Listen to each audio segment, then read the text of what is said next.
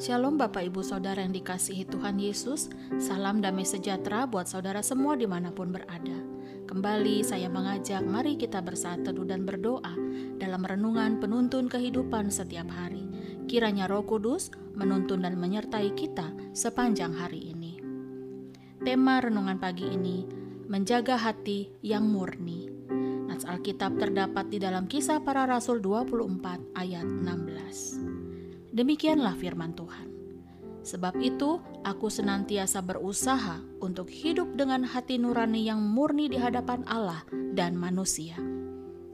Bapak, ibu, saudara yang dikasihi Tuhan Yesus, ketahuilah bahwa hati adalah bagian yang sangat penting dalam kekristenan.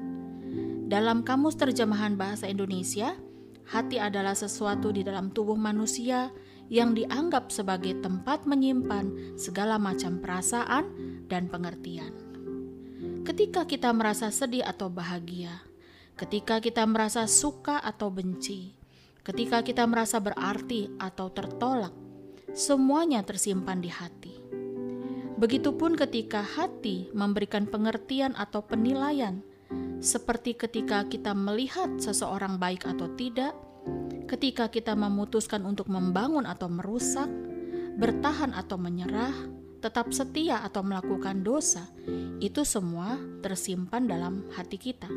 Tetapi dari semua yang dapat dirasakan oleh hati, bahkan yang ditimbulkan dari dorongan hati manusia, Tuhan menginginkan agar kita dapat menjaga hati yang murni.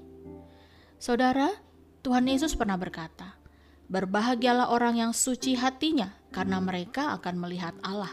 Matius 5 ayat 8. Artinya, bukan saja orang yang menjaga kemurnian hati akan melihat Allah di surga nanti, tetapi ada janji firman Tuhan bahwa orang yang murni hatinya akan menerima berkat dari Tuhan dan keadilan dari Allah yang menyelamatkan. Saudara, ketika Tuhan Yesus menyelamatkan kita dan memberikan hati yang baru, maka tugas kita selanjutnya adalah hidup memberi buah sesuai dengan pertobatan. Buah-buah kita dalam pertobatan adalah tanda pertumbuhan rohani. Nah, jadi pertumbuhan rohani kita sangatlah ditentukan oleh hati. Kalau hati kita tetap saja masih bebal, tidak menuruti firman Tuhan, tidak dapat menerima nasihat, ini akan menghambat pertumbuhan dan perkembangan rohani kita. Mari kita belajar dari Rasul Paulus. Ia berkata, "Sebab itu aku senantiasa berusaha untuk hidup dengan hati nurani yang murni di hadapan Allah dan manusia." Mengapa Rasul Paulus berkata bahwa ia senantiasa berusaha untuk memiliki hati nurani yang murni? Karena Rasul Paulus sadar bahwa kasih karunia Tuhan begitu besar dalam menyelamatkannya, sehingga ia berjuang di dalam Roh Kudus yang menyertainya untuk hidup berkenan kepada Allah dan juga di hadapan manusia. Artinya, dia juga harus jadi berkat bagi orang lain. Saudara, apa yang dimaksud memiliki hati yang murni? Memiliki hati yang murni adalah memiliki hati yang benar, yang bersih, yang tulus, yang jauh dari segala kecemaran ataupun niat-niat jahat, sehingga kita berkenan di hadapan Allah.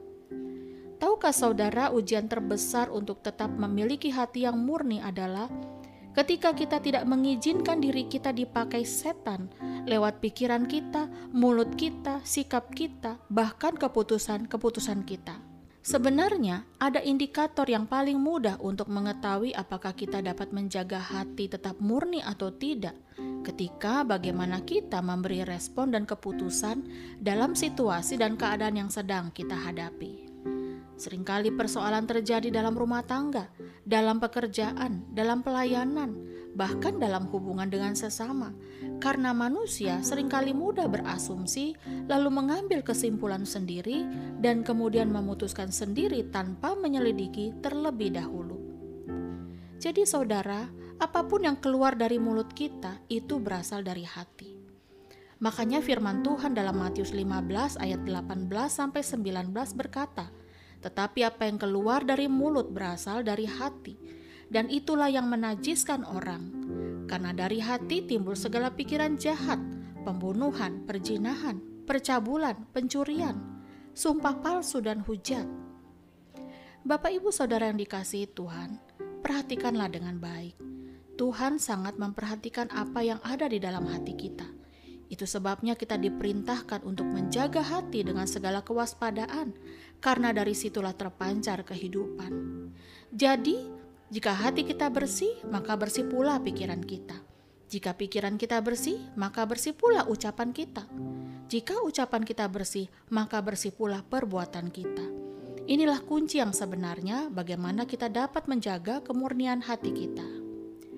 Di akhir renungan ini, saya ingin mengajak saudara pendengar setia renungan penuntun kehidupan setiap hari.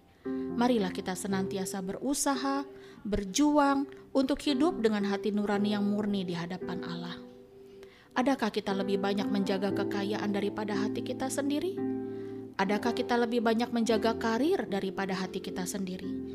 Adakah kita lebih banyak menjaga image atau gengsi daripada hati kita sendiri? Mungkin hari ini hati kita baik, mungkin hari ini hati kita mengampuni, mungkin hari ini hati kita sabar, tetapi belum tentu besok. Mengapa? Karena hati manusia mudah berubah. Amin. Mari kita berdoa. Terima kasih Tuhan Yesus buat firman-Mu hari ini yang mengingatkan, yang menegur, yang mengajar bagaimana kami dapat memiliki hati nurani yang murni dan memeliharanya. Jamalah kami semua ya Bapa, terutama kepada mereka yang memiliki hati yang bermasalah. Bebaskan, sembuhkan, dan murnikan dengan roh kudus-Mu. Di dalam nama Tuhan Yesus kami berdoa. Amin.